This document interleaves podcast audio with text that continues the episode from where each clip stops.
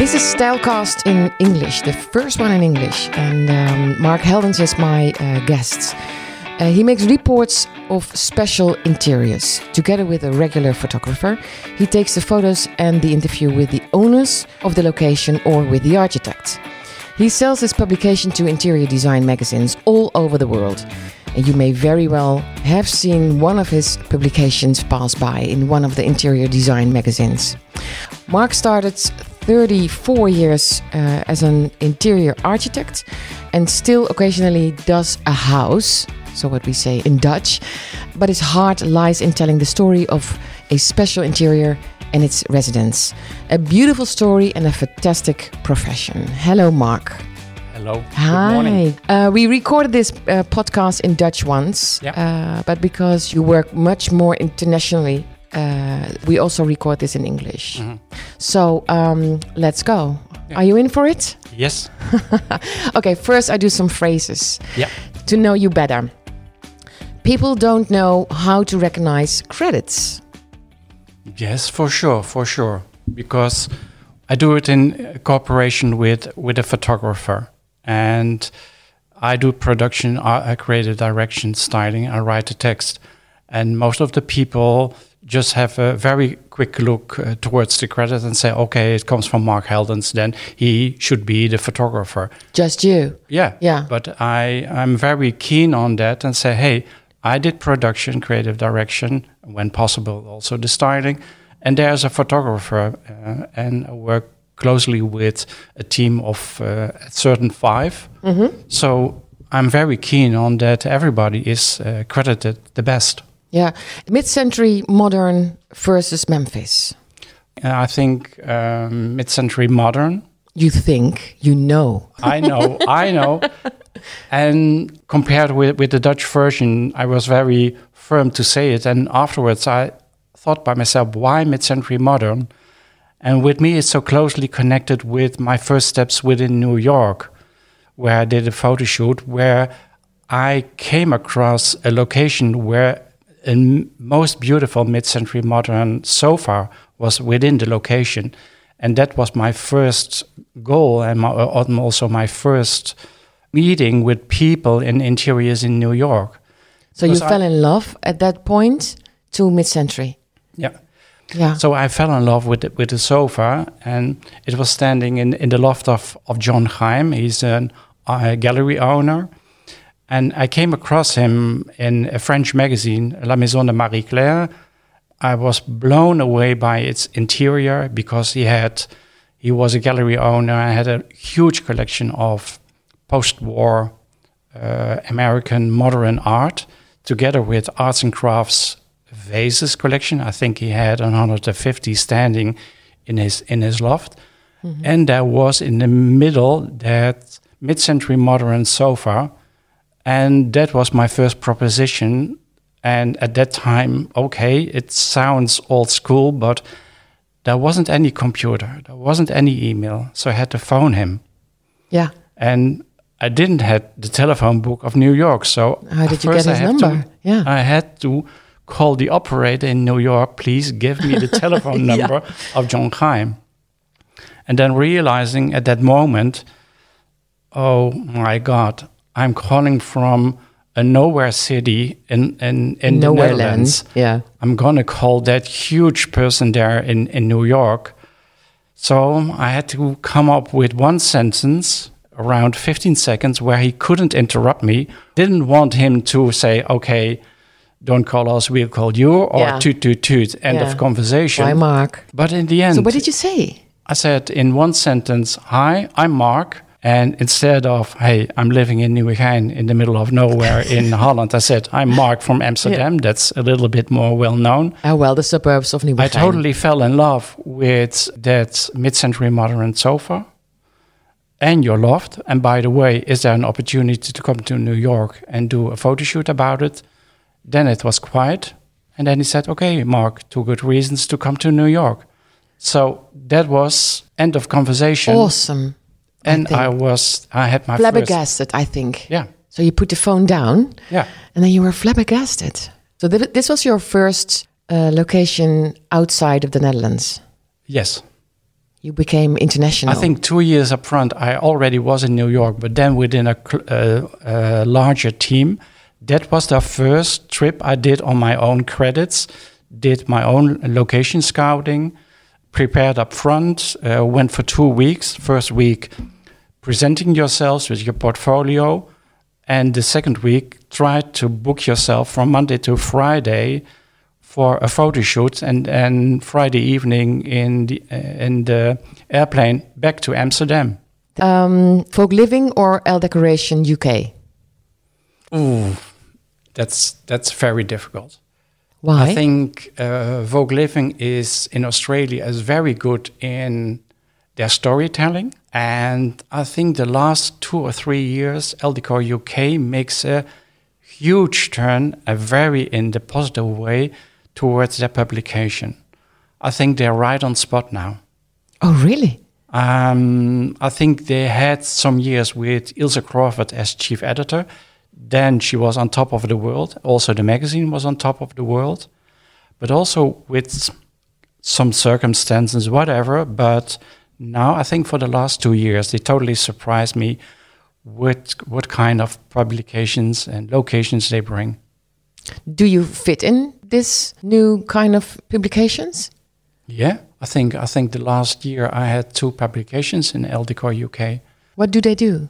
I think the same as I, this letting your heart speak more instead of what the readers expect from you right now is a little bit looking two years ahead instead of so what's now hip happening and trendy and put that in each month now it's with what could we uh, surprise our readers Photography is a work in millimeters. Yeah, I started with locations where you added a lot of new items, but in a certain point, I noticed that I became again the interior architect of that location at that moment. And that gives me two ways of looking towards the location. So after two years, I did choose the locations where I didn't need to do and add extra styling that gives me a little bit more rest of looking towards the location that I only have to creative direct it instead of styling it because then you actually add something to the location. So I now choose my locations where the soul and the heart is already present and I'm together with the photographer the only one who actually have to use my eyes to look for it and open my heart instead of "Hmm, that chair doesn't fit it anymore or it goes to another direction keep But it out still, you want to make the best photo. So how do you do that? Not adding things. Maybe you push the, couch away or uh, to, to get a better little angle. bit, moving it to the left or right. So it's nice proposition within the framing of my photo. But i think it's either wise don't photograph that specific room where that couch doesn't bring any extra information for me or doesn't choose the location at all. Because at some points it's going to be a kind of a hardship of working around something you don't like mm-hmm. you actually has have to choose a location which you really like because there then it presents itself in its own beauty My last phrase. yeah Looking, listening. for me it's both No, you have to choose, Marc. I'm sorry. I look by listening and I listen by look. no, it, um, to explain it, I was a student uh, interior design myself, and the best lesson I've learned was in my first year from I had uh, a professor in photography, and he was a well-known uh, fashion photographer. And I think right in the first week, we got an assignment, uh, do a project where you photograph structure and rhythm. And I can say I stepped out of the academy, of the building, and I totally fell in love with the first brick I saw laying on the street. Because at that moment, I realized you have two eyes.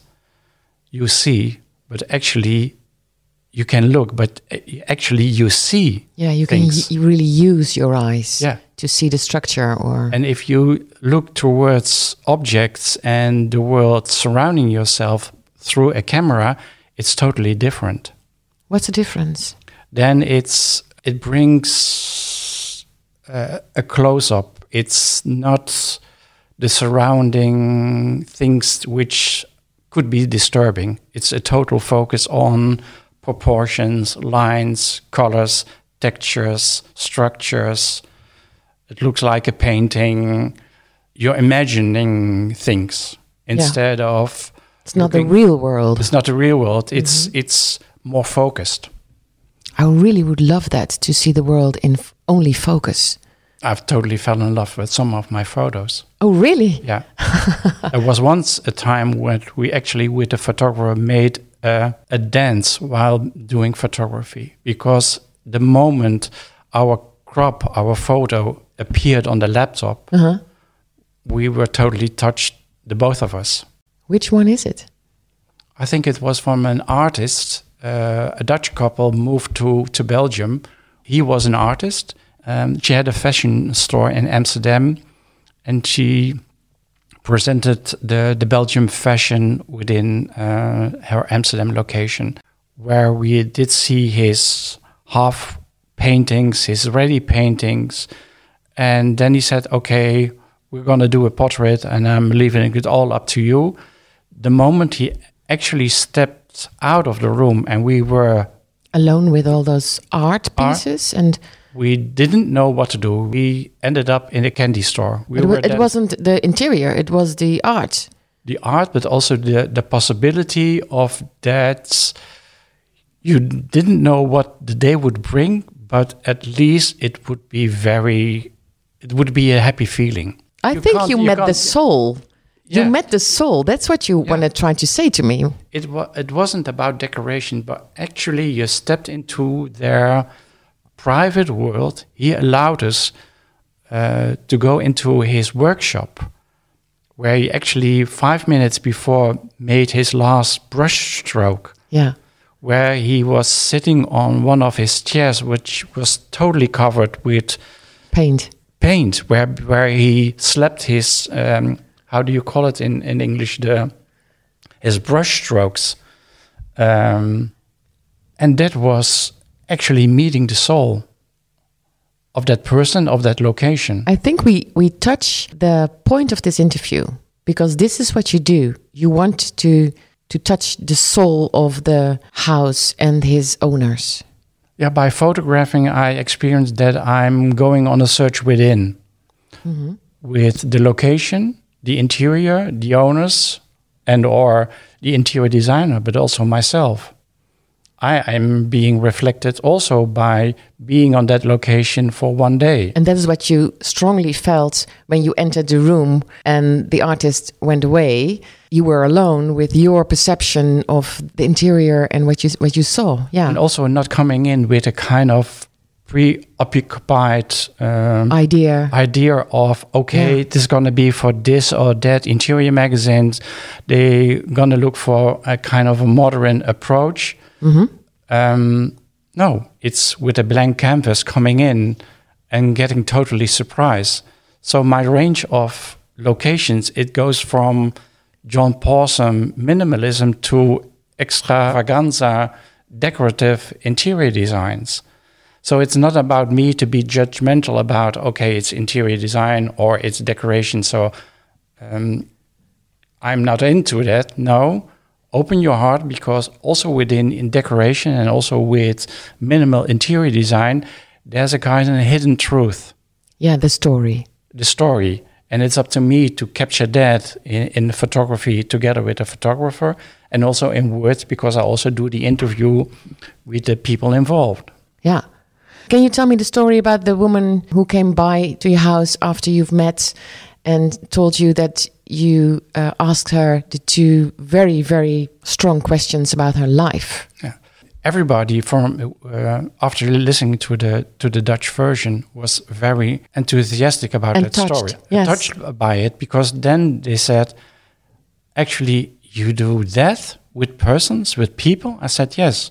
The story was that I was tipped by a mutual friend that go to that specific woman because she just renovated a farmhouse close to, to Utrecht. That's in the middle of, of Holland.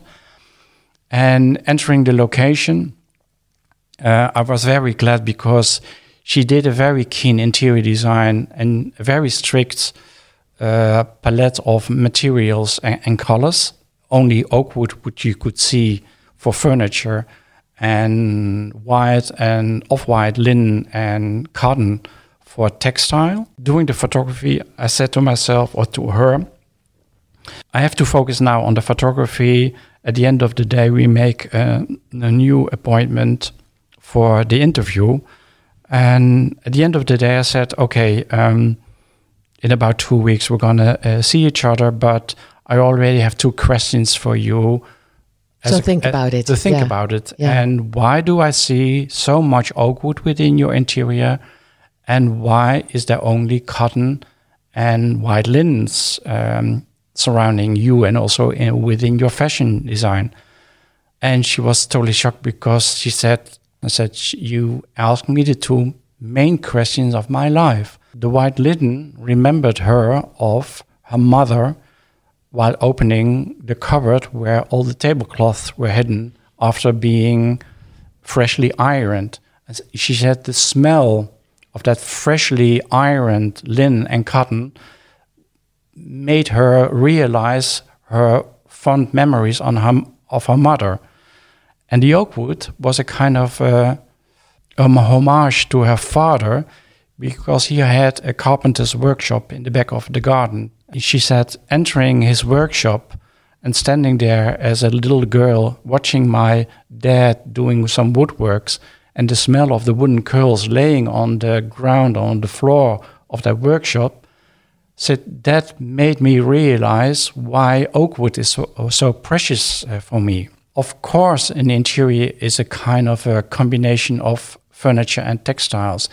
And that's the first layer, what you see. But the second one, who is, which is underneath, why you did make those choices, that's more important.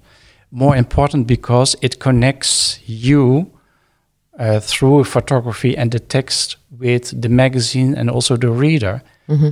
who say, who could say, that is a nice interior. I can do it with, with for myself. Okay, using that kind of material or colors, but also reflecting on yourself. So, what was my childhood? What was important within our parents' house? Mm-hmm. Is that what you mean by uh, I come, I see, I hear, I analyze, I shape, and give back? Yeah, because that's one of my uh, life's motto and that was my mirror some years ago, where the architectural office where I was working at that moment, the um, creative board uh, asked a design consultancy firm to go interview all the creatives within the company to see, hey, what's on board and what is going around with the interior architects and the architects. On what age? I think is I was the 30s. Mid 30s, okay. I had an interview for three hours with her because actually she had to know who is Marc within the company as one of the interior architects.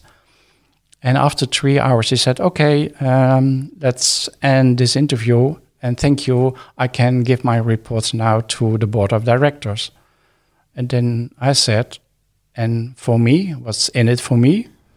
And she was totally surprised and laughed and said, Actually, you're the first within the company who does ask for feedback. Wow. I think, hey, I did all my inner souls. I'm sharing it with you. So at least I have to get something also from it. And then she said, Oh, give me two weeks to come up with, with the slogan. And the moment that she presented to me by email. I feel comfortable with myself.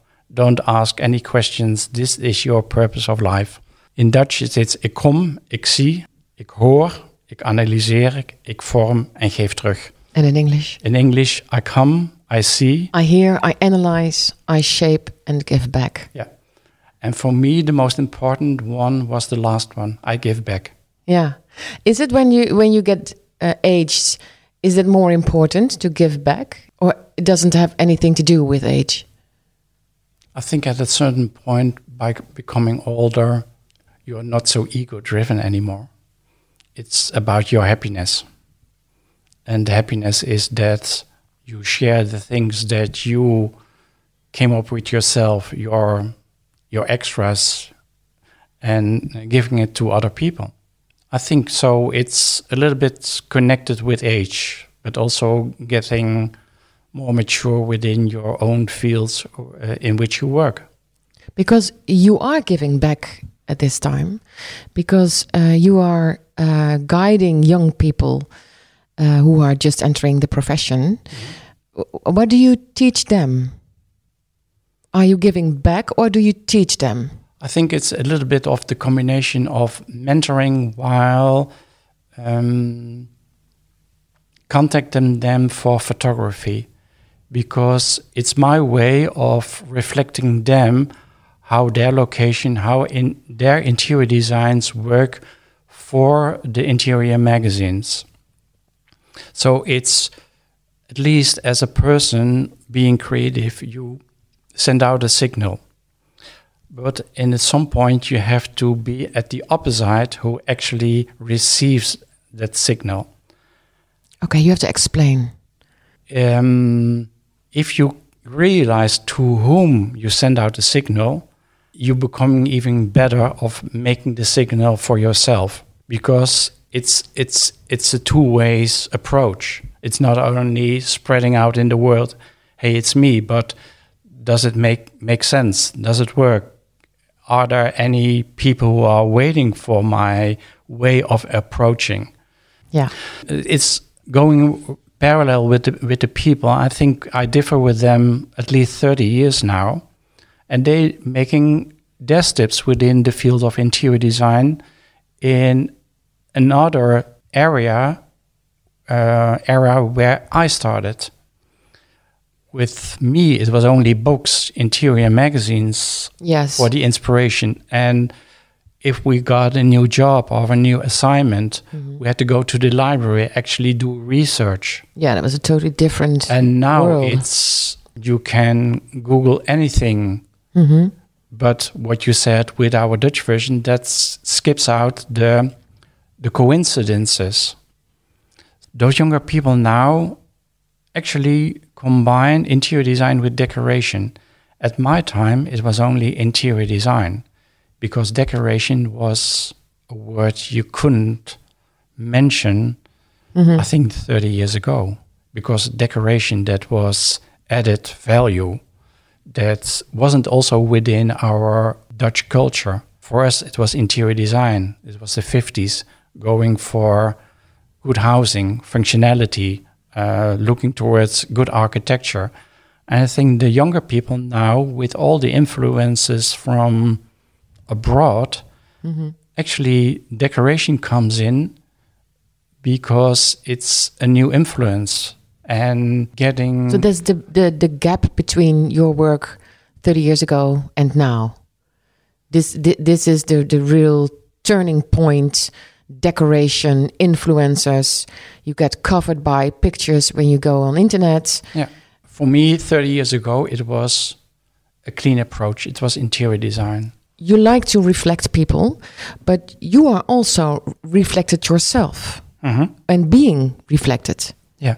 Going back as a youngster, as a young boy, at the age of six, I wanted to become the postman because the postman was at that time the man who actually came every day with lovely postcards, letters from bringing family, good news, bringing good news. So I think, okay, I want to become a postman. But a few years later, being at primary school, I wanted to become my own teacher because teaching is seeing everybody in its unique character. Mm-hmm. And I wasn't, I think my teacher didn't see my my beauty.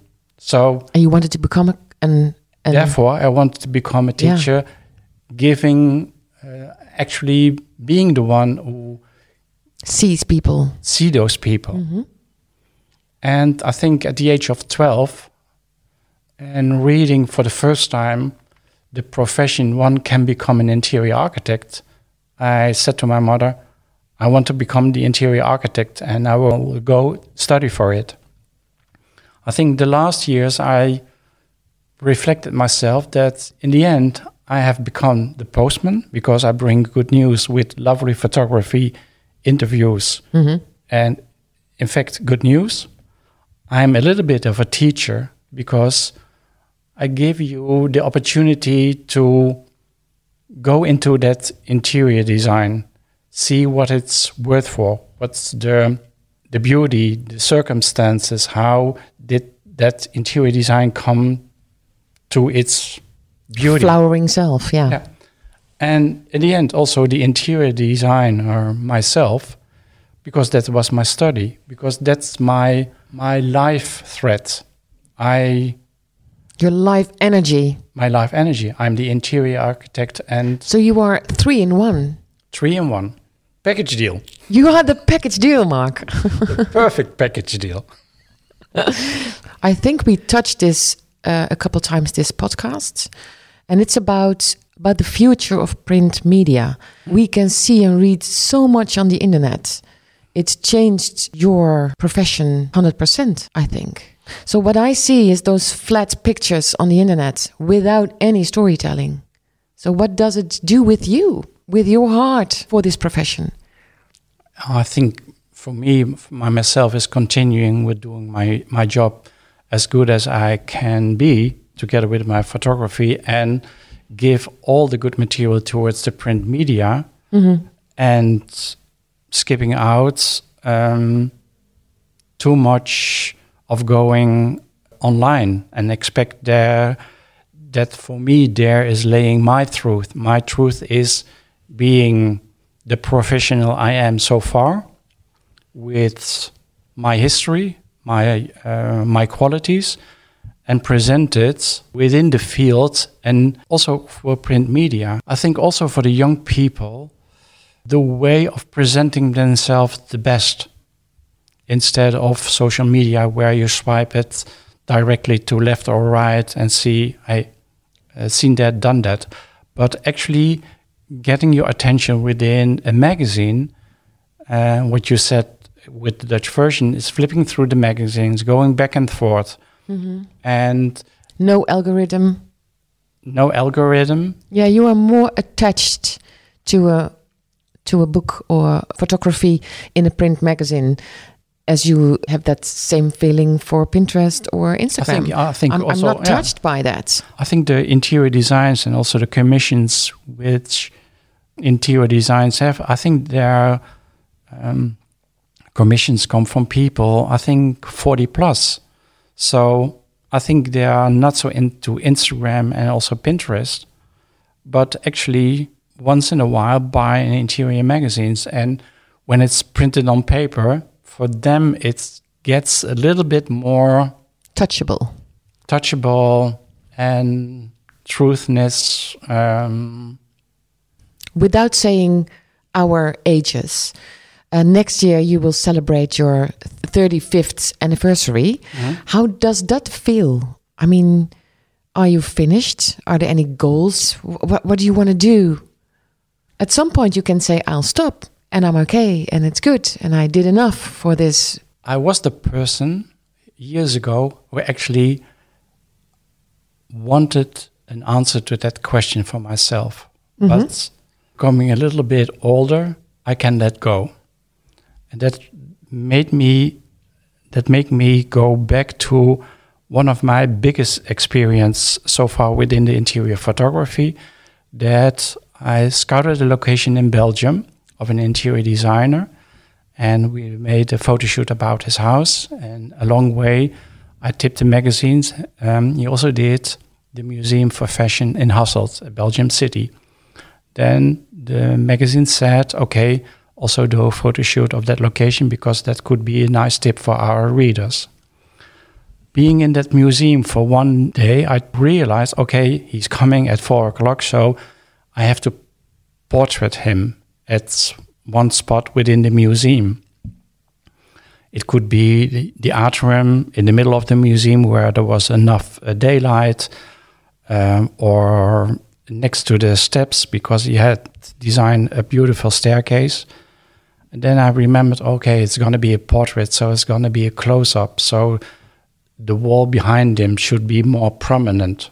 Then I remembered, hey, next to the restaurant, there was a nice wall, and written on it, there was a poem in big types, one could say. So I said to the photographer, okay, put your tripod here. And the moment he arrives, he's going to be stepping into the framing of that poem. The moment he did it, he blocked a certain sentence um, within that poem. And I was the one who actually read, I'm everything that will be. Yeah. And I was totally shocked because it made me the person from who I was as a youngster, being on the moment who I am now, who I was then, and becoming the persons for the future.